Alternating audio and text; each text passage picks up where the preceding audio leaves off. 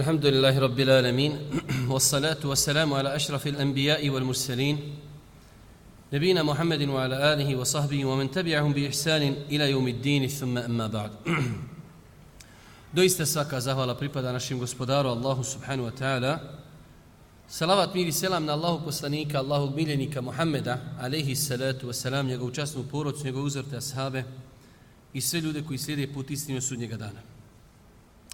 Uvažna braćo i poštovane sestre, na samom početku molim Allah subhanahu wa ta'ala da vas nagradi za vaš dolazak. Isto tako upućujem dovu uzvišnom Allahu da naše organizatore nagradi za trud kojeg ulažu u organiziranju ovakvih i sličnih aktivnosti. Ja bih samo spomenuo još jednu tehničku stvar, a to je da ako već neko nešto snima, od večerašnjeg izlaganja, to bude samo privatno za, znači, za osobe koje snimaju, pošto će se ova promocija ponavljati u više gradova u Bosni.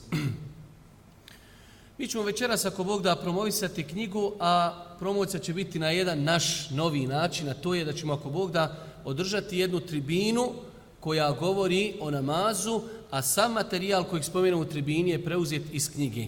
Svakako, e, ja sam se doista dobro potrudio da sam odabrao najbitnije stvari iz knjige da ih spomenemo u večerašnjoj tribini. Pa znači, e, ova promocija će biti jedan vid tribine, a sve što čujemo, ako Bog da, vezano je za ono što se nalazi u knjizi, svakako da u knjizi ima mnogo toga što nismo mogli spomenuti večeras ovdje. Prva stvar, vjernik, čovjek bi trebao da zna da je namaz najbitniji, najvažniji tjelesni ibadet.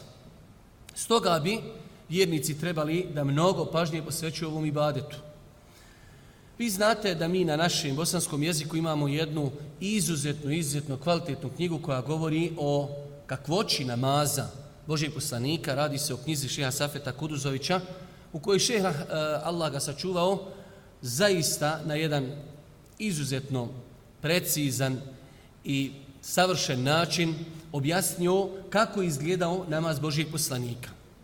Ja sam u želji da ostavim iza sebe neko dijelo, a da opet bude vezano za namaz i najbitniji temelj Islama, odlučio da ovu knjigu učinim kao priručnikom ili neka nadopuna na knjigu Šeha Safeta Kuduzovića, pa ćemo vidjeti da ova knjiga tretira tri poglavlja. Prije toga, mi ako pogledamo u ljude na našem podneblju, a i mimo našeg podneblja, možemo ih podijeliti u tri kategorije. Imamo kategoriju ljudi koji ne klanjaju. Ili, hajde da kažemo, šaraju u svome namazu. Imamo kategoriju ljudi koji već godinama klanjaju, ali imaju određene greške u svome namazu. I imamo kategoriju ljudi koja godinama klanja i nema nikakvih grešaka, ali nedostaje im ta srž namaza, nedostaje im skrušenost, nedostaje im da namaz dožive onako kako ga je doživljavao Allahu poslanik i kako su ga doživljavale prve generacije. Pa ova knjiga znači, rezimirano kazano, ima tri poglavlja. Prvo poglavlje posvećeno je baš populaciji koja ne klanja. Ili ljudima koji još nisu učvrstili svoj namaz, znači prvo poglavlje govori samo o vrijednosti namaza. Mi ćemo inšala poslije malo detaljnije o tome govoriti, s tim što smo obradili jedno veoma bitno pitanje, to je kada konstatiramo koliko je bitan namaz i koliko je vrijedan, ima i druga strana medaljona, to je koliko je opasno ostavljati namaz. Drugo poglavlje kazali smo da je namijenjeno osobama koji već klanjaju, ali jednostavno zbog mnoštva nekih faktora imaju određenih grešaka u svome namazu i u određenim e, ibadetima i postupcima prije namaza. Pa smo posvijetili jedno poglavlje ove knjige za greške koji se vezuju za namaz i za određene postupke i ibadete prije namaza. I treće poglavlje, rekli smo, mislim da je to i najbitnije poglavlje, primjetno je da se malo o tome i piše i govori, a to je kako i na koji način postići skrušenost u namazu i kako taj namaz, hajde da kažemo da dobije tu svoju dušu, pa da čovjek žudi za namazom, a ne da se boji kako će izdržati da klanja pet puta dnevno. Zato zaista smatram nešto sam ja autor ove knjige, ona sigurno ima mnogo i grešaka i propusta, ali ako bi čovjek dobro savladao gradivo iz knjige Šeha Safeta i pridodao joj ova tri poglavlja, mislim da bi poprilično dobro, poprilično dobro savladao pitanje namaza. Vratimo se lagano ovom našem prvom poglavlju, a to je mjesto namaza u islamu.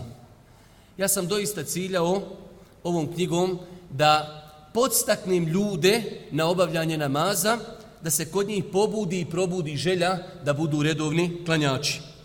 Mi moramo biti i otvoreni ako želimo da dođemo do istina, to je primjetno je da velik broj ljudi našeg podneblja indolentno se odnosi prema namazu i vidjet ćete nekada da zbog sitnica, veoma nebitnih stvari ostavljaju namaz. Ne kažemo da je opravdano, ali da čovjek možda ostavi namaz zbog posla. Ne kažemo da je opravdano, ali možemo to razumjeti. Ali kada čovjek ostavi namaz zbog utakmici, ili možda zbog filma, ili zbog serije, ili možda zbog šetnje, ili zbog šopinga, ili zbog nekog izleta, onda jasno vidimo da ljudi nisu svjesni o kakvom ibadetu se radi.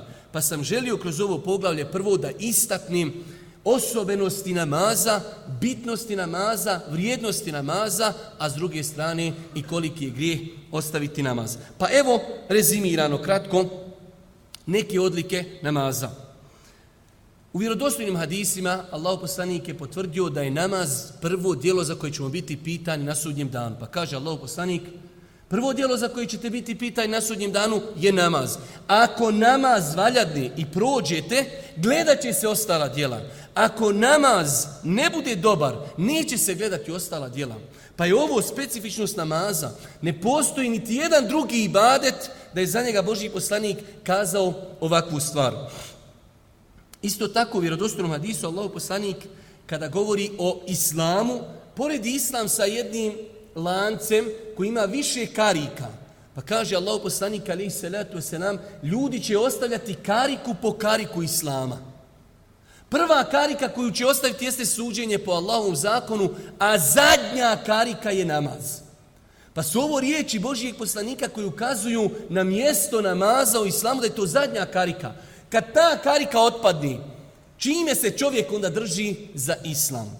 Isto tako, vjerujem da velik broj vas zna da je oporuka Božijeg poslanika u momentu smrti bila umetu namaz. Čak kaže prenosioca Disa toliko je poslanik u smrtnim mukama ponavljao namaz, namaz, da više nije mogao izgovarati riječima, već je ropteći u prsima govorio namaz, namaz, voma meleket jeminukum, čuvajte na namaz i budite pažljivi prema onima koji su u vašem posjedu. Vi znate kad čovjek umire, tada onima koji ostaju iza njega ukazuje na najbitnije stvari, pa vidimo da je ovdje Boži poslanik Ali Selatu Veselam sav islam rezimirao u pažnju namaza. Isto tako, mi nekada nismo svjesni kada insana malo safata ta njegova slabost.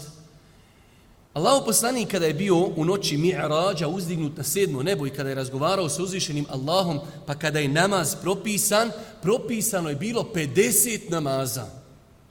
Pa je se Allah poslanik pomirio sa tim i krenuo je nazad, pa je sreo Musa, alaihi salatu wasalam, koji ga je pitao šta se desilo. Pa kaže, propisao uzvišeni Allah mom umetu 50 namaza. Pa kaže Musa, alaihi selam, koji je živio prije Božijeg poslanika, ana džarrabtu nas, ja sam, kaže, živio s narodom, probao sam narod, znam šta narod može, šta ne može. Mnogo je to. Idi traži olakšicu. Pa je Allah poslanik nekoliko puta išao dok se nije, hajde da kažemo, došla olakšica na pet namaza. Kada je došao Musa'u, kaže Musa, i to je puno, idi traži olakšicu. I mi danas vidimo zaista da je velikom broju ljudi puno i pet namaza.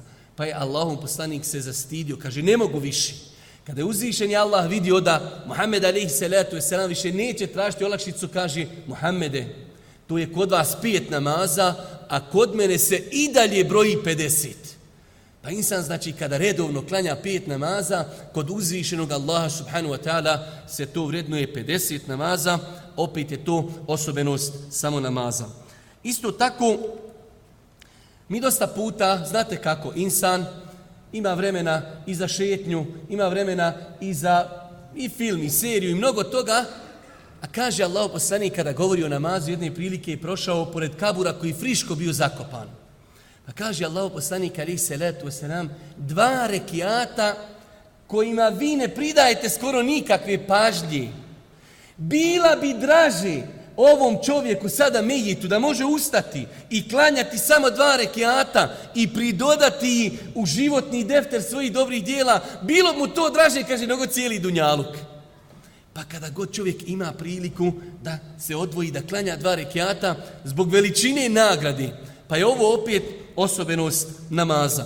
Isto tako u mnogo, u mnogo hadisa je došlo da Allah poslanik, da je Allah poslanik e, nagovijestio i obavijestio da namaz briše grijehe. Znate onaj vjerodostojan hadis da Allah poslanik poredi namaz sa rijekom pa kaže primjer namaza je primjer rijeki koja teče pored kuće nekog od vas u kojoj bi se on kupao pir. Vi znate, možda jedno od naj nečistih, znači, zanimanja je možda rudar. Ne omalovažavajući uopšte posao, ali se rudar jednom okupa i čistko suza. Zamislite da se čovjek pet puta dnevno kupa. Pa poredi Allahu poslanik namaz i rijeku u kojoj bi se čovjek kupao pet puta, na taj način mu se brišu grijesi. Sve nas ovo, hajde da kažemo, vodi u pravcu da vidimo koliko, koliko je namaz bitan ibadet. S druge strane, velik broj ljudi, naše omladine, kada počne razmišljati, ja bi klanjao pet vakata.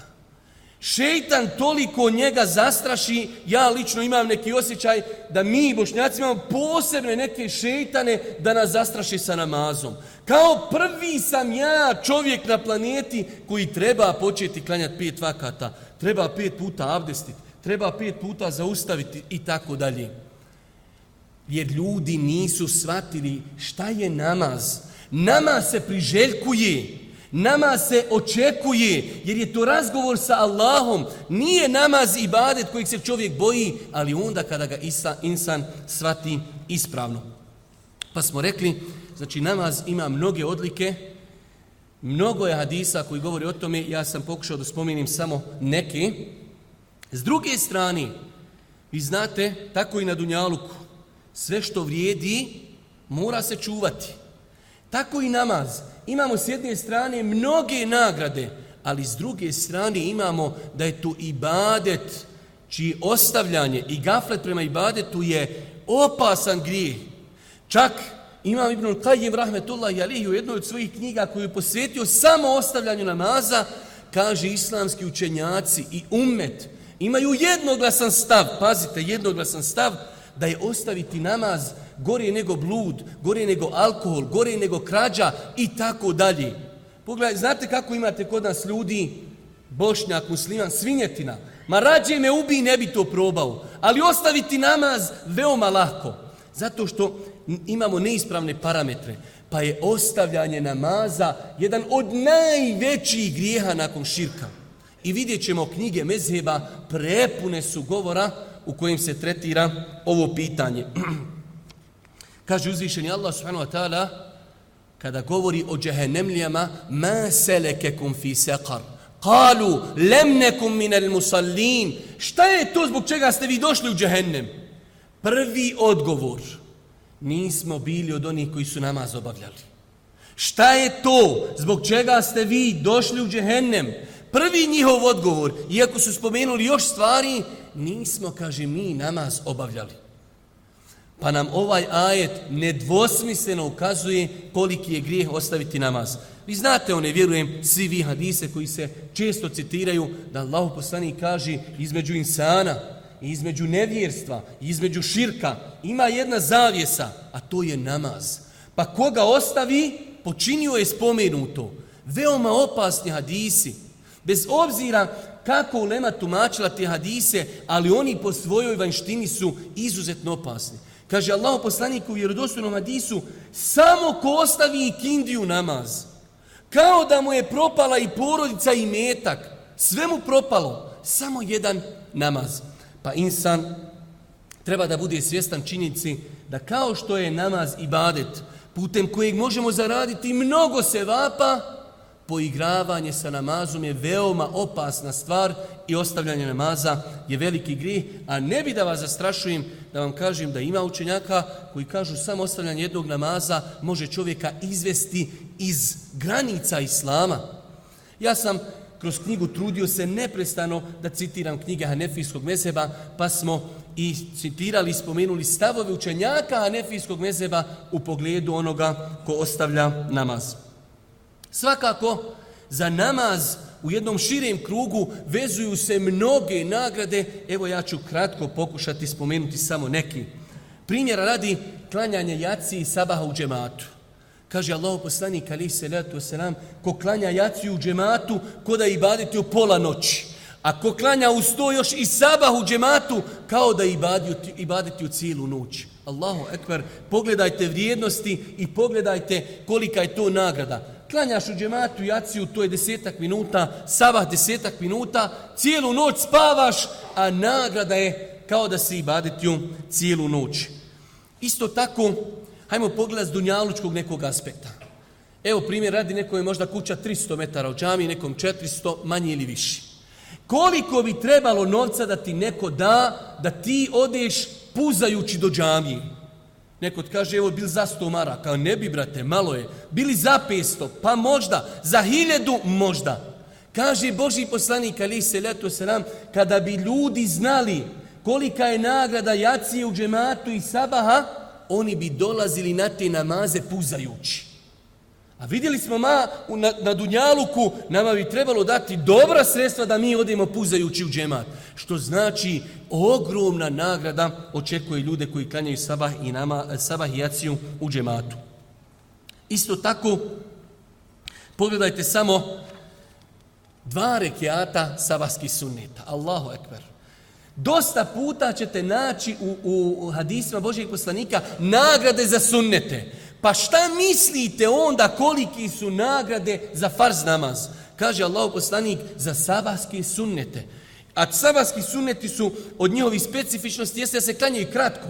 Ili samo fatiha da se uči, ili fatiha i kulja i kulhuvallah. Kratko. Kaže Allah poslanik, dva rekiata sabahskog sunneta bolji su od svega što sunce obasjava. Allahu ekber. Šta mislite onda kolika je vrijednost farza? Šta mislite onda kolike nagrade propuštaju oni ljudi koji ne ustanu na sabah namaz? Ako su dva rekiata sabahskih sunneta vredni od cijelog dunjaluka. U vjerodostojnom hadisu Allah poslanik je rekao ko bude ustrajavao na 12 rekiata onih potvrđenih sunneta, njemu će biti izgrađena kuća u džennetu. Isto tako, rekli smo da vjernik žudi za namazom. Pa pauza od sabaha do podne njemu je duga pauza. Pa je u tom periodu propisan ibadet koji se zove duha namaz. Allahu poslanik je kazao u vjerodostojnom hadisu, čovjek kada osvane, potrebno je da dadne za svaki svoj zglob sadaku. A imam u ljudskom tijelu, kao što je došlo u drugom hadisu, 360 zglobova. Pa je Boži poslanik pojam sadake pojasnio, pa kaže svaki zikr je sadaka ali sve to, kaže, mijenjaju dva rekiata duha namaza. Pa čovjek, znači, u periodu od izlaska sunca do podne namaza prije 15 minuta, da ujagni vremena i da klanja dva rekiata, da se zahvali Allahu na ovim blagodatima. Pogledajte kako ljudske ruke ferceraju i svi ostali ljudski zglobovi. Isto tako, ako pogledate nagrade za noćni namaz. Ono što mene je hajde da kažemo, impresioniralo onaj hadis, kaže Allah poslanik alihi salatu wasalam, kada govori o noćnom namazu, kada čovjek legne spavati. Dođe šetan i na njegovom potiljku sveže tri čvora i kaže spavaj, spavaj, pred togom je duga noć. Pa kaže ako se čovjek probudi, spomeni Allaha, da li rekne bismillah ili prouči neku dovu koju je Boži poslanik alihi salatu wasalam učio Alhamdulillahi alladhi ahjana badema ematena wa ilihi nušur. Ali je bitno spomenuti Allaha, kaže, ako čovjek ustane i spomeni Allaha, jedan se čvor od, odreši. Ako ode abdesti, drugi čvor. Ako klanja, odriši se treći čvor.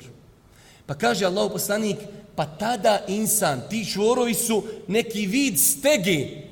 Pa kaže čovjek koji to ispoštovao, ustane vesel, ustane pun elana, za razliku, kaže čovjeka koji to ne uradi, ustane mrzovoljan, ustane ljen, subhanallah. Neka ti se desi zaista, ustaneš mrzovoljan, ljen, nema pojašnjenja, nisi jučer ništa teško radio, ali si nikakav. Evo razloga. Zato što čovjek prilikom ustajanja ne spomeni Allahovo ime, nije abdestio, nije klanjao namaz. Za namaz se vezuje također vrijednost i abdesta. Allahu poslanik ali se letu selam kaže kada insan abdesti pa operi svoje lice, sa njegovog lica kada padaju kapi, zadnja kap vode kada kapne, oprosti se, kaže, njegovi grijesi koje je gledao očima. Pa kada operi ruke sa posljednjom kapi vode, oprosti mu se grijes koji činio rukama i tako isto i za noge. Pa znači imamo, braćo, moje dragi cijeni sestre, mnogo, mnogo argumenta kako konkretno za namaz, tako za određene ibadete koji su usko vezani za namaz, a za njih se obećaju velike nagrade, pa eto ja sam se potrudio koliko sam mogao da u ovoj knjizi posjeti mnogo pažnje tome kako bi insan koji uzme tu knjigu prvo pročitao te hadise kako bi se u njemu pobudila želja pa da kaže e hoću da i ja budem od onih koji praktikuju ovo i da i ja zaslužim ove obećane nagrade, a s druge strane da ne daj Bože budem od onih koji potpadaju pod one argumente ako ih ima mnogo više nego što smo citirali, koji se odnosi na osobu koja ostavlja namaz. Drugo poglavlje knjige greške u namazu.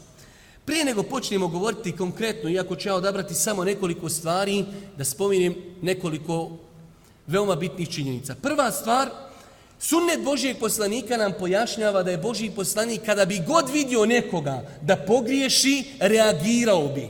Zašto ovo govorimo? Kako neko danas ne bi došao i kazao, pa zar ima potrebi da se govori o greškama u namazu? Vjerujte, braćo, moje dragi cijene sestre, za one koji znaju arapski jezik, vidim ovdje ima neki školskih kolega, znaju da u arapskom svijetu imate koliko hoćete knjiga koje su zasebna dijela koja govori samo o greškama u namazu. Šej Hasan Mešhur je napisao možda prije 20 godina knjigu El Qaulul Mubin fi Ahtajl Musallin, To je šejh od našeg šeha Safeta. Kompletnu knjigu je samo napisao za arapsko podneblje o greškama u namazu. Pa zamislite onda kolika je naša potreba da se govori o određenim greškama u namazu. Pa znači, Allah poslani kada bi vidio ashabe da pogriješi, kao što je došlo u onom hadisu Buhari i muslima, kada je vidio onoga sahaba da brzo klanja, pa mu kaže, vrati se i klanjaj, nisi klanjao. Tri puta, vrati se i klanjaj, nisi klanjao. Pa on opet klanja, vrati se i klanjaj, ti nisi klanjao. Boži poslanik proglašava neispravan namaz zbog načina obavljanja, jer je klanjao brzo. Pa je Allah poslanik u više hadisa kada bi vidio ljude da griješe u namazu i izvan namaza reagirao, pa nam to potvrđuje da ako se pojavi u datom vremenu, u datom društvu određene greške, treba na njih na lijep i mudar način ukazati. Svakako, ja sam svjestan činjenice gdje mi živimo, svjestan sam e, prisutnosti hanefijskog mezeba na našem podneblju, trudio sam se maksimalno da ne proglašavam greškom nešto osim zaista greška. Pokušao sam u, ovoj, u ovom poglavlju da obradim neke teme koji su tabu teme po mom nekom mišljenju do sad. Ja nisam još našao da je neko baš, hajde da kažemo, stručno obradio određena pitanja i da im je pristupio sa mnogo tolerancije kad su u pitanju dizanje ruku, micanje prsta, amin i tako dalje. Pa sam pokušao da pristupim tum, tim pitanjima na način kako to ulema gleda. Prvo moramo biti tolerantni ako nešto neko praktikuje, da mu poštujemo, ali isto tako, ako živimo u podnevlju gdje se to ne praktikuje, da budemo spremni da se tolerišemo ako je određena stvar samo sunnet, kao dizanje ruku u namazu ili micanje prsta ili izgovaranje amin, da smo spremni u datom momentu zbog veće koristi da to i ostavimo. Ako je Šej bin Baz u Saudijskoj Arabiji mogao dati fetvu i kazati ako ste u džematu gdje se to ne praktikuje, nemojte to raditi kako bi se jedan džema zbližavao više, pa zar to mi u Bosni ne možemo raditi. Ja se sjećam, pošto sam dijete tih generacija, u Zenci se desio slučaj da su naša vraća, ono, 94. 5 puni nekog Hamasa, došli u jednu gradsku džamiju u Zenici, naglas, amin, hođa prekini namaz, voz iz džamije. Pomeni i to greška, ali oni prave drugu grešku. Doćemo mi tebi sutra na drugi način, sa kalašnikovom na leđima i u džamiju. Amin, hajna sad istiraj, sad mi puške imamo. Pa je neispravno istirati ljude iz džamije ako nešto praktikuju što ima svoje utemeljenje. A isto tako neispravno je doći s Kalašnikovom u džamiju braniti svoj stav.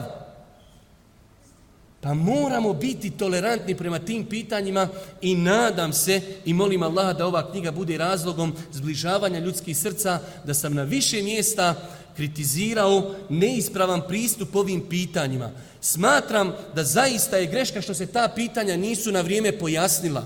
Treba ljudima na vrijeme pojasniti da je dizanje ruku u namazu legitiman čin, ali nije kod nas zastupljen.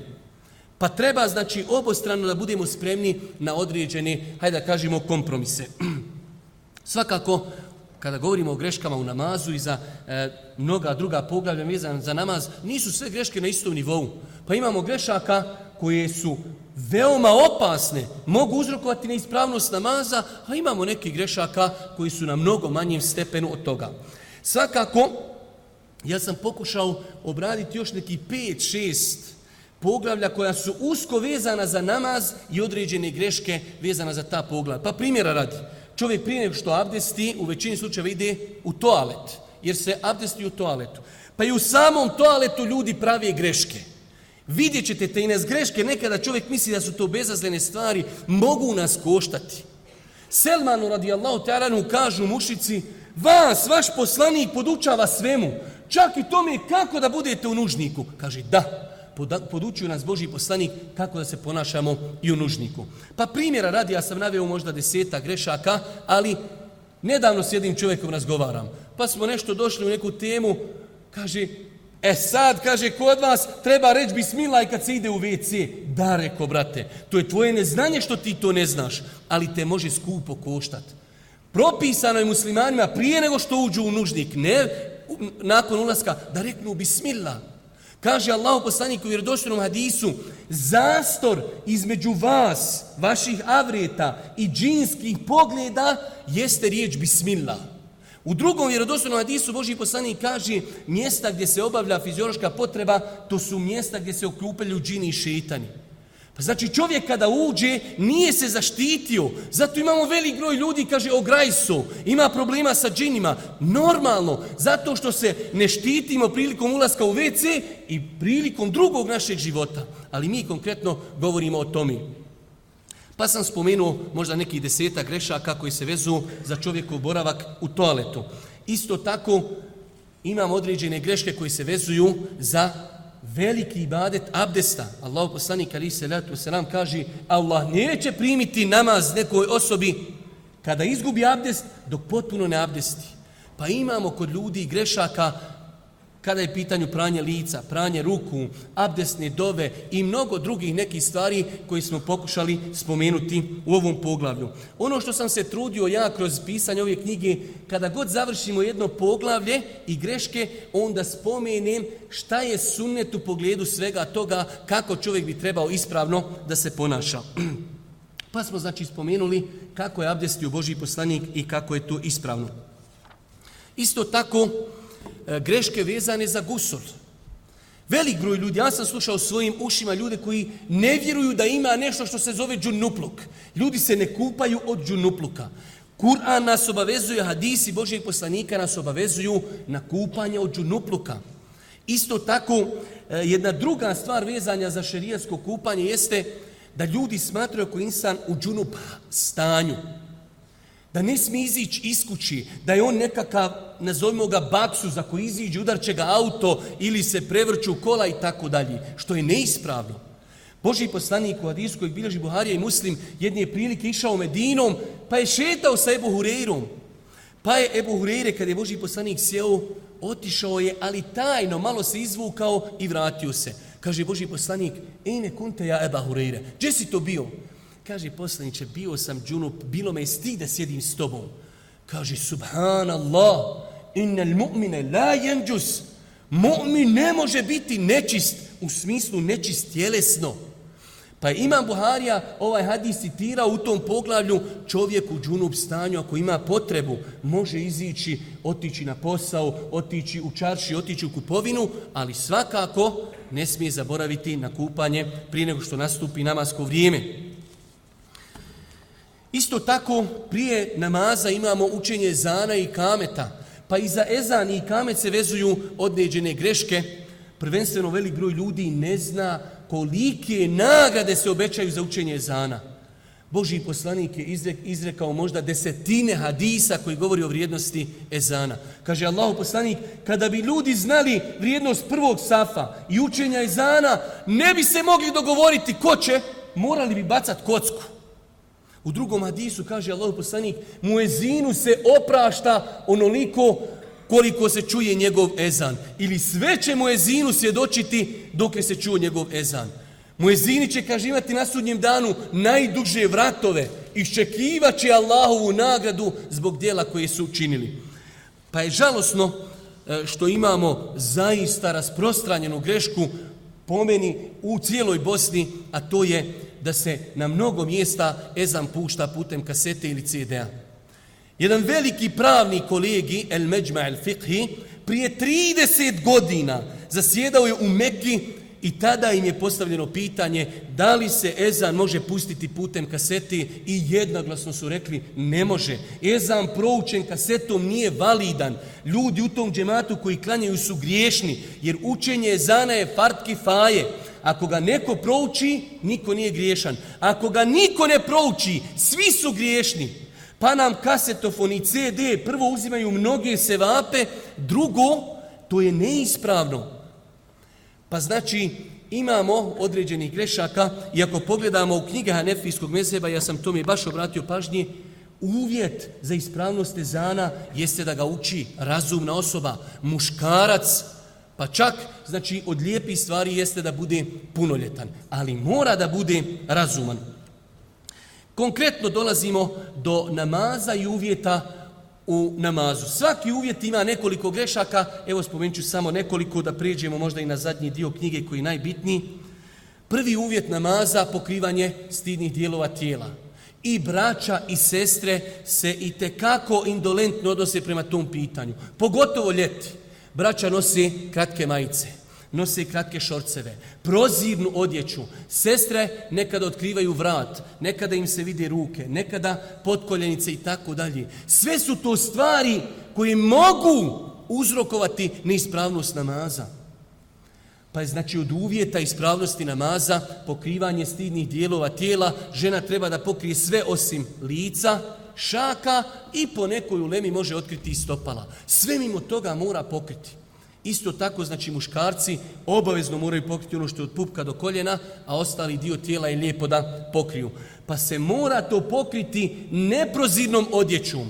Isto tako, klanjanje u odjeći na kojoj ima likova, živih bića, Znate koliko to dekoncentriše čovjeka? Klanjaš u džami, ispred tebe čovjek na lijeđima mu Bruce Lee digo nogu. Ti cijelo vrijeme sjećaš se onog filma iz djetinjstva Bruce Lee u Zmajevom gnjezdu. Ti cijelo vrijeme u Zmajevom gnjezdu hođa kaj sela malik, sela malik. Ti cijelo vrijeme glanju u Bruce Lee-a. Čevljanović i korida mu na leđima. Ti cijelo vrijeme kontaš hoće li Peronja pobjediti će Šaronja. Boži poslanik u hadisu Buharije i muslima kaže, klanjao jednog dana u odjeći koja imala šare samo. I to u to vrijeme šare. Kada je završio namaz, bacio odjeću i kaže, nosite ovu moju odjeću Ebu Džehmu. Donesite mi od njega njegovu jednobojnu odjeću. Ova me odjeća, kaže, sad dekoncentrisala u namazu. Pa za odjeću treba paziti da pokrije avrete, da nema na njoj likova. Treba pasti da nije tjesna. Svakim danom, tako mi Allaha, i za sestre i za braću, ljudi se, ne znam kako se ljudi nekad više ne stide doći u džamiju. Allaha mi nekad čovjek ispred tebe klanja, obaraš pogled kod je žensko ispred tebe. Haj što se žene utežu, to je ono djelimično razumno. Žene su žene. Ali muško se utegni helanke, nosi i došao u džamiju. Još mu pocije pa ne hlače, ozdor vire dlake ko grm jagoda čoveče. Allah mi čovjek do mene neki dan klanja volike rupe, naježio se ko, ko jež. Ja, rab, pa gdje si došao, u džamiji si, stojiš pred gospodarom, utego se, popucan. Allahom se kunem, znači, nema više ti neke svetosti, nema stida, nema uvažavanja da čovjek kaže, pa ja idem pred gospodara. Bili ovakav otišao na neki, hajde kažemo, informativni razgovor za neku ozbiljnu firmu i za neki posao. Obuko bi lijepo sako, obuko bi košulju, uzeo bi kravatu, hlače na peglu, pa ako se možemo srijediti za neki informativni razgovor, pa zar ne treba da se srijedimo za najbitniji razgovor u životu, a to je naš razgovor sa uzvišenim Allahom subhanahu wa ta'ala. Isto tako, Govorili smo u knjizi e, o greškama koje se vezuju za klanjanje prema perdi i odjeđene propise vezane za to. Nažalost, velik broj ljudi dođe na džumu i uđe prvi u džamiju i odmah sjedne pored vrata i klanja, a da ispred njega nema sutri. Boži poslanik je naredio da se klanja prema sutri ili perdi i da ju se čovjek i primakne. Isto tako od namaskih uvjeta jeste i namasko vrijeme velik broj ljudi veoma lako se odnosi prema namaskom vremenu. Allah Đelšanu kaže inna salate tenhanil fahša doista namaz odvraća od loših grijeha inna salate kanet alel mu'mini kitaben me uputa doista je namaz vremenski odrijeđena obaveza. Ne može se namaz klanjati prije vremena, ali ne može ni poslije vremena.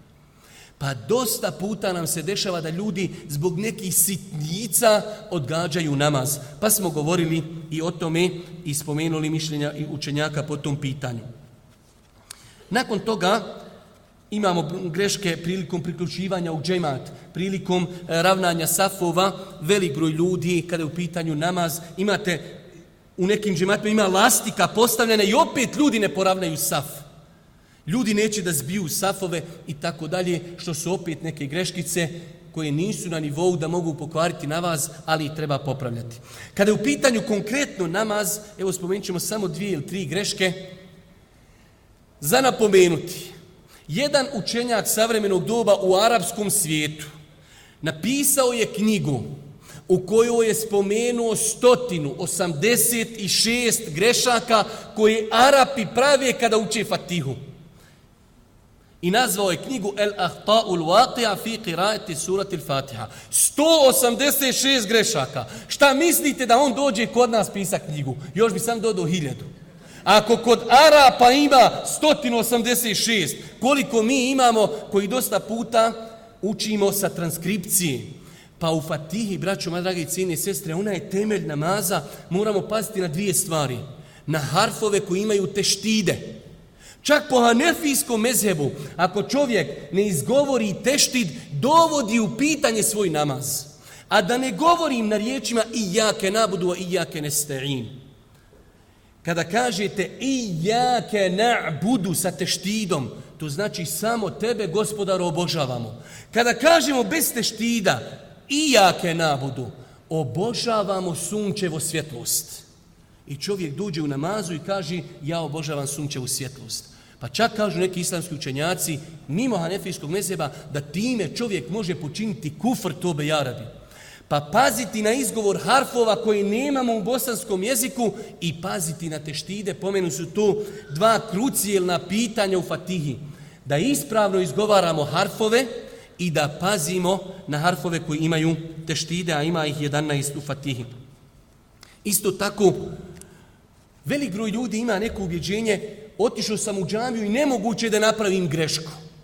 Braćo moja draga, kaže Allah poslanik ali se letu veselam, zar se ne boji onaj koji pretekne imama u namazu da mu Allah neće zamijeniti njegov izgled i njegovu glavu u magareći izgled i magareći u glavu. Čitao sam predaju za koju kažu učenjaci da je vjerodostojna, jedan šeh muhaddis kaže imao sam svoga jednog velikog šeha I dugo godina mi je citirao hadise iza zastora. Pa kaže, kada je vidio da sam ono iskren godinama da čitam i tražim znanje, kaže, upitao sam ga, o učitelju moj, šta je razlog što ti nikad mi nisi pokazao svoje lice i nisi se nikad meni pokazao? Kaže, pa isklonuo zastor. Pa sam vidio čovjeka sa magarećijom glavom. Kaže, šta je bilo? Kaže, čuo sam hadis u Buhari i muslim ovaj kojeg smo citirali, pa sam kaj pomislio, ma zar je moguće da Allah nekog može pretvoriti u magarca? Pa me Allah pretvorio u magarca. Pazi, došao si u džamiju i možeš napraviti grije. Pa čovjek treba da se poduči kodeksu namaza kako ne daj Bože ne bi bio na većem gubitku nego onaj ko ne klanja. U vjerodostojnom hadisu kaže Allah poslanik ima ljudi koji će klanjati 60 godina i ni jedan mu namaz nije primljen. Allahu ekber. On je pomeni na većoj šteti nego onaj ko ne klanja. Onaj ko ne klanja makar se nije ni abdestio, nije se ni trudio. Ova jadni klanja, ide u džamiju, pješači, 60 godina mu nijedan namaz nije primljen. To su riječi Božije poslanika. Kaže, možda je upotpunio ruku, smirio se, ali je požurio sa seđdom. Ili je upotpunio seđdu, a nije se smirio na ruku. Pa to što imamo dobru volju da idemo u džamiju i želimo da klanjamo, nije samo razlog da naš namaz bude ispravan. Pa se moramo edukovati u pogledu tog najbitnijeg namaza, najbitnijeg ibadeta i zato ćete vidjeti u knjigama fikha. Najdeblji i najveće poglavlje u fiku je definitivno poglavlje namaza. Isto tako, brzo klanjanje. Da li odlazak na ruku brzo? Koliko puta sam ljude vidio, ode na ruku i odmah se vraća. Ne ispravi se potpuno, ode na seđdu. Ode na seđdi, brzo se vraća i tako dalje. Boži poslanik, rekli smo, kada je vidio onog čovjeka da brzo klanja, pa ga tri put vratio, čovjek nakon trećeg puta kaže, ja Rasulallah, ja ne znam drugačije. Alimni, poduči me. Pa kaže Boži poslanik, kada staneš u namaz, donesi početni tekbir, prouči fatihu, pa prouči nešto Kur'ana, pa otiđi na ruku, pa se, kaže, potpuno smiri. Pa se vrati sa rukua, pa se potpuno smiri. Pa otiđi na seđdu, pa se potpuno smiri. Pa se vrati sa seđdi, pa se potpuno smiri. Pa opet učini seđdu, pa se potpuno smiri i kaže tako klanjaj cijeli namaz. Od grešaka koje često vidimo kod ljudi, nespuštanje čela ili nosa na seđdu. Na taj način čovjek dovodi ispravno svog namaza i svoje sežde u pitanje. Čak u Hanefijskom mezebu postoji razilaženje između Ebu Hanife i njegova dva učenika. Da li je validan namaz čovjeku koji ne spusti i čelo i nos na seždu? Koliko puta sam gledao ljude, čak ima ljudi, dođe i dva canta od, od znači, čilima, ne spusti ni čelo ni nos. Pa čovjek mora da se poduči Kaže Ibnu Abbas od, Ibnu, od Božijeg poslanika, rekao je Božji poslanik, naređeno mi je da činim seždu na sedam ekstremiteta ili dijelova tijela, čelo i nos, ruke, koljena i stopala. Na kraju, braćo moje drage i cijene sestre, znam da smo malo odužili, sve je u planu bilo biti kraći, ali evo inšala, za kraj, treće poglavlje, pomeni najbitnije poglavlje, ako smo imali čovjeka koji nije redovno klanjao, imamo prvo poglavlje koje bi trebalo da pobudi u njemu želju da klanja.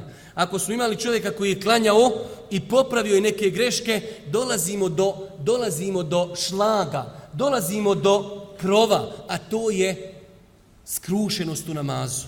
Nažalost, nažalost, moramo konstatirati da ta skrušenost ne da je izgubljena kod nas, izgubljena je kod Arapa. Veoma je teško naći danas čovjeka ako ništa vanjštinom da klanja skrušeno. Pa sam pokušao da govorim o tome, e, na arapskom jeziku postoje posebna i zasebna dijela na tu temu. Šej koji neki dan preselio autor knjige Hisnul Muslim, Sa'id el-Qahtani, Allah da mu se smiluje zbog svega što je radio za umet, napisao je knjigu od 400 stranica, zove se samo Fadlu el-Hušu, vrijednost skrušenosti u namazu. 400 stranica. Koliko je to široka tema i koliko je to, bar gledao sam po internetu, nepoznanica za naše podneblje. Pa sam pokušao u ovom poglavlju da govorim o tim stvarima. Pa primjera radi koristi skrušeno obavljenog namaza. Prvo, kada čovjek skrušeno klanja, njemu je namaz lagahan. Nije mu opterećenje. Boži poslanik je govorio Bilalu, Bilale, eklim je sala, erihna biha. Daj da se odmorimo u namazu. Boži poslanik se odmara, odmara u namazu. Isto tako, skrušen namaz insana sprečava od loših dijela interesantan hadis kojeg sam našao kada sam pisao u knjigu, dolaze Božijem poslaniku i kažu Allaho poslaniće, ima čovjek koji klanja noćni namaz, ali kada ustane ukrade. Kaže Allaho poslanik, njegov namaz će ga spriječiti. Kaže šeha Albani, rahmetullahi alihi, komentarišući ovaj hadis, spriječit će ga onog momenta ako čovjek bude znao šta uči, ako bude skrušeno klanjao. Pa znači namaz da bi polučio svoje rezultate, da bi čovjeka spriječio od grijeha, mora biti klanjan skrušeno, odnosno razmišljajući onome što se klanja. Isto tako, rekli smo s druge strane, žestoke kazne se obećaju onima koji brzo klanjaju. Pa smo vidjeli čovjek 60 godina klanja, namaz mu se ne prima. Boži poslanik je zabranio oponašanje kljucanja vrani, kažu islamski učenjaci da se to odnosi na namaz. Ako pogledamo u sunnet Božijeg poslanika, vidjet ćemo čudo kako su klanjali skrušeno. Ako pogledamo u e, biografija ashaba, vidjet ćemo čudo kako su klanjali i kako su uživali u tom namazu. Imate onu poznatu predaju da je Allah poslanik jedne prilike bio u jednom od pohoda. Pa kada je se vraćao, kada se je vraćao, ocijeli su na jednom mjestu i kaže ko će nas večeras čuvati. Pa su se dvojica ashaba javila i otišli su malo ispred vojske da stražari. Pa su se dogovorili da jedan malo spava, da jedan stražari. Pa ovaj koji je stražario kaže ako već stražarim idem klanjati noćni namaz i stražariću. Pa su neprijatelji poslali za Božijim poslanikom, hajde da kažemo svoju izvidnicu da, vidu, da vide gdje je poslanik. Pa kada su došli, vidjeli su stražara, pa je jedan od njih uzeo strijelu i pogodio ga. U to vrijeme strela je bila smrtonosni pogodak. Pa je čovjek u namazu uzeo strelicu i izbacio je.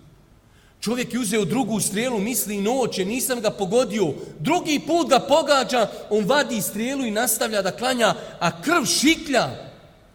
Treći put ga, kada ga je pogodio, on je išćupao u strijelu i došao kod ovog svog prijatelja koji spava i kaže, ustani, ustani, pogođen sam. Ovaj se iznenadio, kaže, pa tri puta si pogođen, što me nisi odmah zovno kad te prvi put pogodilo? Kaže, bio sam u jednoj kuranskoj suri, učio je suru Kef. Volio sam da mi duša iziđe i da mi se život prekine, nego da je prekinem. Ja učenje suri. Ali sam se sjetio da sam stražar Božijeg poslanika. Ne smijem da rizikujem njegov život. Ja bi svoj rizikovu. Pogledajte tako vam Allah koja je to slast. Da bi čovjek dao da mu duša iziđe samo da ne prekine učenje Kur'ana u namazu. Pa znači oni su zaista taj namaz doživljavali na jedan poseban način. Ja sam e, pokušao e, u knjizi praktično, zaista praktično spomenuti neki možda više od 20 načina kako i na koji način čovjek praktično da ojača koncentraciju i da izbaci sve što ga dekoncentriše u pogledu namaza. Pa evo spomenut ću samo nekoliko stvari. Pomen najbitnija stvar koja se vezuje za koncentraciju jeste naša svijest. Gdje smo? Pred kim stojimo? Da stojimo pred gospodarom zemlje i nebesa. Boži poslanik kaže u vjerodostojnom hadisu, rekao je uzvišeni Allah, podijelio sam svoj namaz između sebe i svoga roba. Pa je namaz razgovor sa uzvišenim Allahom subhanahu wa ta'ala. Pa znači prva stvar koja nama generalno nedostaje, ja sam o tome možda više puta govorio i ovdje, spoznaja Allaha. Nama nedostaje praktično da spoznamo veličinu Allaha. Spoznati uzvišenog Allaha najbolje možemo na dva načina. Iščitavajući njegova imena i svojstva i gledajući u njegova stvorenja. Ja vam preporučujem knjigu Šeha Sanela Ramića u dva toma komentar Allahovi lijepi imena i svojstava. Ne znam da postoji na bosanskom jeziku bolja knjiga o tome. Evo ja ću vam citirati nekoliko Allahovih imena, samo da pokušamo malo osježiti znanje o našem gospodaru. Pa primjera radi, uzvišeni Allah je Rab, gospodar zemlje i nebesa. On je Melik, vladar. On je Ar-Rahman, Ar-Rahim, milostivi i samilosni. On je El-Azim, on je veličanstveni. On je Es-Semi' koji sve čuje. On je El-Basir, koji sve vidi. On je El-Alim, sveznajući. On je El-Kudus, čist od svake mahani. On je El-Mutekebir, gordi. On je El Halik, stvoritelj. On je El-Gafur, onaj koji prašta. On je Ar-Razak, koji daje na faku. On je El-Halim, blagi. On je Ar-Raqib, koji motri svako kretanje. On je El-Kerim, plemeniti. On je El-Haqqa, najveća istina. On je El-Haj, vječno živ. El-Samed, utočište svakomi on je etawab, onaj koji prima teubu svojih robova, el-qarib, koji je blizu, el-ganij, bogati, neovisan o stvorenjima, el-hadi, koji upućuje na pravi put, el-muhit, sveobuhvatni, el-nasir, koji pomaže, el-galib, apsolutni pobjednik, el-hakim, mudri. Ovo su samo neka imena od 99 i više Allahovi subhanahu wa ta'ala lijepih imena i svojstva, pa kada čovjek stane u namaz, da ima svijest gdje je stao. S druge strane, spoznati Allaha kroz veličinu njegovih stvorenja. Pogledajte današnju tehnologiju, današnja tehnologija još nije samo došla na nivo da izmjeri kosmos, ne da ga spozna, ne da ga istraži, ne znaju gdje mu je kraj. Mi nismo istražili ljudsko tijelo. Wa fi enfusikum efela tubsirun. I u vama samima su dokazi Allahove veličine. Pogledajte čovjekove oči i jezik i uši i srce i bubrege i krvotok i nervni sistem i, i, i nabrajaj koliko hoćeš. Apsolutno savršenstvo. Mi smo čovjeka, kaže, stvorili u najljepšem liku. Allah Đeršanu u suri Mul kaže podigni svoj pogled prema nebu, ima li kakve nepravilnosti? Vrati, kaže, ponovo, pa vrati ponovo, ima li kakve nepravilnosti? Nema. Mi što god napravimo, napravimo mobitel, ima neki novi bolji. Napravimo auto za dvije godine bolje i tako dalje. Kod uzvišenog Allaha, apsolutna savršenstvo. Pogledajte sunce. Ne daj Bože da smo mi sunce stvorili ili napravili. Jedan dan bi izlazlo u sedam, jedan u šest, jedan dan na istoku, jedan dan na sjeveru. Kod uzvišenog Allaha svaki dan na istoku, na zapadu i tako dalje. Pa je to savršenstvo koje ukazuje na veličinu uzvišenog Allaha pred kojim čovjek stoji kada klanja namaz. Isto tako, zapamtite večeras pravilo. Nemoguće je, kaže, sad će mi sad ću brzo klanjati brzo klanjati i skrušeno klanjati je nemoguće. Kao što spominje Ibnul Qajim u svojim knjigama, Medaređu Salikini i drugim knjigama, brzo klanjati i skrušeno je nemoguće. Namaz da bi ga čovjek doživio, treba da ga klanja lagano, znači kao što je spomenuto, da je Allah poslanik zabranio žurbu u namazu, kljucanje vrane i tako dalje. Isto tako, truditi se ako smo u džami klanjati u prvom safu, da nas ništa ne dekoncentriši, klanjati prema perdi, čak islamski učenjaci navode jedna od glavnih koristi perde jeste da čovjeku povećava koncentraciju ako klanja prema zidu ili prema stubu i tako dalje. Isto tako, ključna tačka, naš jezik je bosanski jezik, arapski jezik je za nas strani jezik. Nemoguće, nemoguće hiljedu puta da neko doživi iskrušeno namaz, a ne razumije šta uči. Pa, braću, moja draga i cijene i sestre, odvojiti vremena, 5 minuta, deset, dvajest dnevno, da naučimo prijevod onoga što se uči u namazu, prijevod fatihi, prijevod subhaneke, prijevod etehijatu, prijevod, prijevod zikrova, prijevod dova. Vjerujte, to ne treba mnogo, ali nakon toga kada staneš u namaz, Alhamdulillahi Rabbil Alamin, hvala Allahu gospodaru svjetova, Ar-Rahman Ar-Rahim, milostivi, samilosni, maliki jaumiddin. Nama se nerijetko desi, čovjek ode u Meku ima muči, došao je do trećeg ajeta, počne plakat, jeca. Šta mu je, kaže? Zna, razumije, skrušeno klanja. Kod nas prvo, jel počne plakat, kad će završiti sad? Kad će on prestati plakat? Evo ga se sad rasplaka. U nas je najveći belaj koliko će nama strajati da su ljudi svjesni šta znači ispustiti čelo na seđdu. Najbliže kada si na, na seđdi si najbliže svome gospodaru. Wallahi, da ljudi osjeti slast. Tražili bi od imama, pa zašto tako brzo klanjaš? tek smo počeli da dovimo i da molimo uzvišnog Allah subhanahu wa ta'ala. Pa odvojite malo vremena, Allah vas nagradio, uzmite neki il mihal ili neku knjigu gdje imaju prevedene te dove u namazu da znate šta učite. Većina nas zna 10 ili 15 onih sura iz Džuz Amme, one kratke sure. Pa uzmite tefsir ibn Kethira, naučite prijevod i naučite tefsir. Pa sutra kada učiš onu suru Iza džae, da znaš njen tefsir. Kada učiš Li ilafi kurejš, da znaš tefsir. Kada učiš Ra'ejte levi yukezibu bid din, da znaš tefsir. Pa možda te Allah počasti da i ti nekad u životu zaplaćeš u tom svom namazu i osjetiš slast namaza. Isto tako, Boži poslanik je preporučio da se kaže prije namaza čovjek sjeti smrti. Kada mu je došao čovjek, kaže, poruči mi, kaže, salli salate mu vadi'in. Klanjaj kao onaj koji će zadnji namaz klanjati. Zamisli sad da ti neko hoćeš jaciju klanjati, kaže, slušaj, ovo ti je zadnji namaz. Gotovo, nakon namaza ti je smrt. Kako bi čovjek klanjao? Pa pokušao bi da taj namaz maksimalno iskoristi. Zašto? Jer je to zadnji namaz.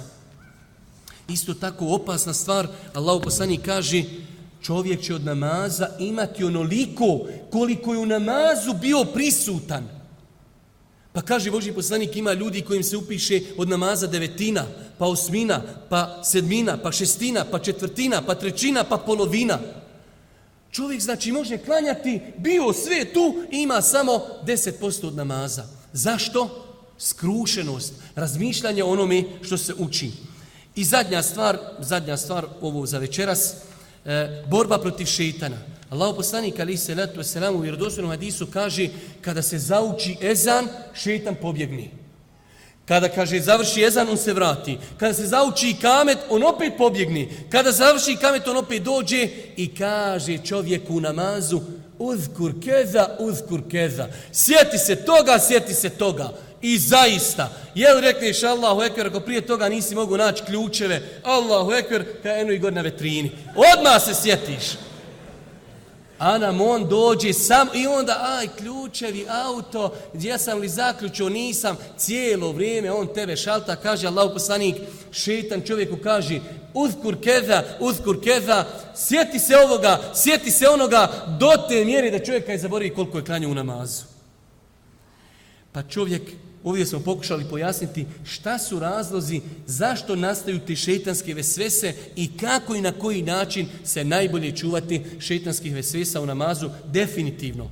Allah je stvorio tako čovjeka da se ne može apsolutno odbraniti od šeitana. Šeitan će napasti čovjeka, definitivno, ali da se ne preda i ne prepusti, hajde da kažemo, razmišljanju kada je u pitanju šeitan. Braću moja dragi cijene sestre, to je nešto rezimirano što sam mogao kazati u ovoj knjizi. Ja sam duboko ubijeđen da će biti kritika na ovu knjigu. Ima sigurno tu neispravni stvari, ali sigurno mogu tvrditi da sam samo želio jedno, a to je da našem narodu ostavim za sebe jednu knjigu iz koje će moći da uči o najbitnijem ibadetu u islamu i smatram da je to dovoljan razlog da mi se pod navodnim znacima na lijep način ukaže na greške i da me plaho ne kritikuju. Allah vas nagradio na vašoj pažnji. Subhaneke Allahumma bihamdike, šedu in la ilaha ilan stakfiruke, u etubu ilaik.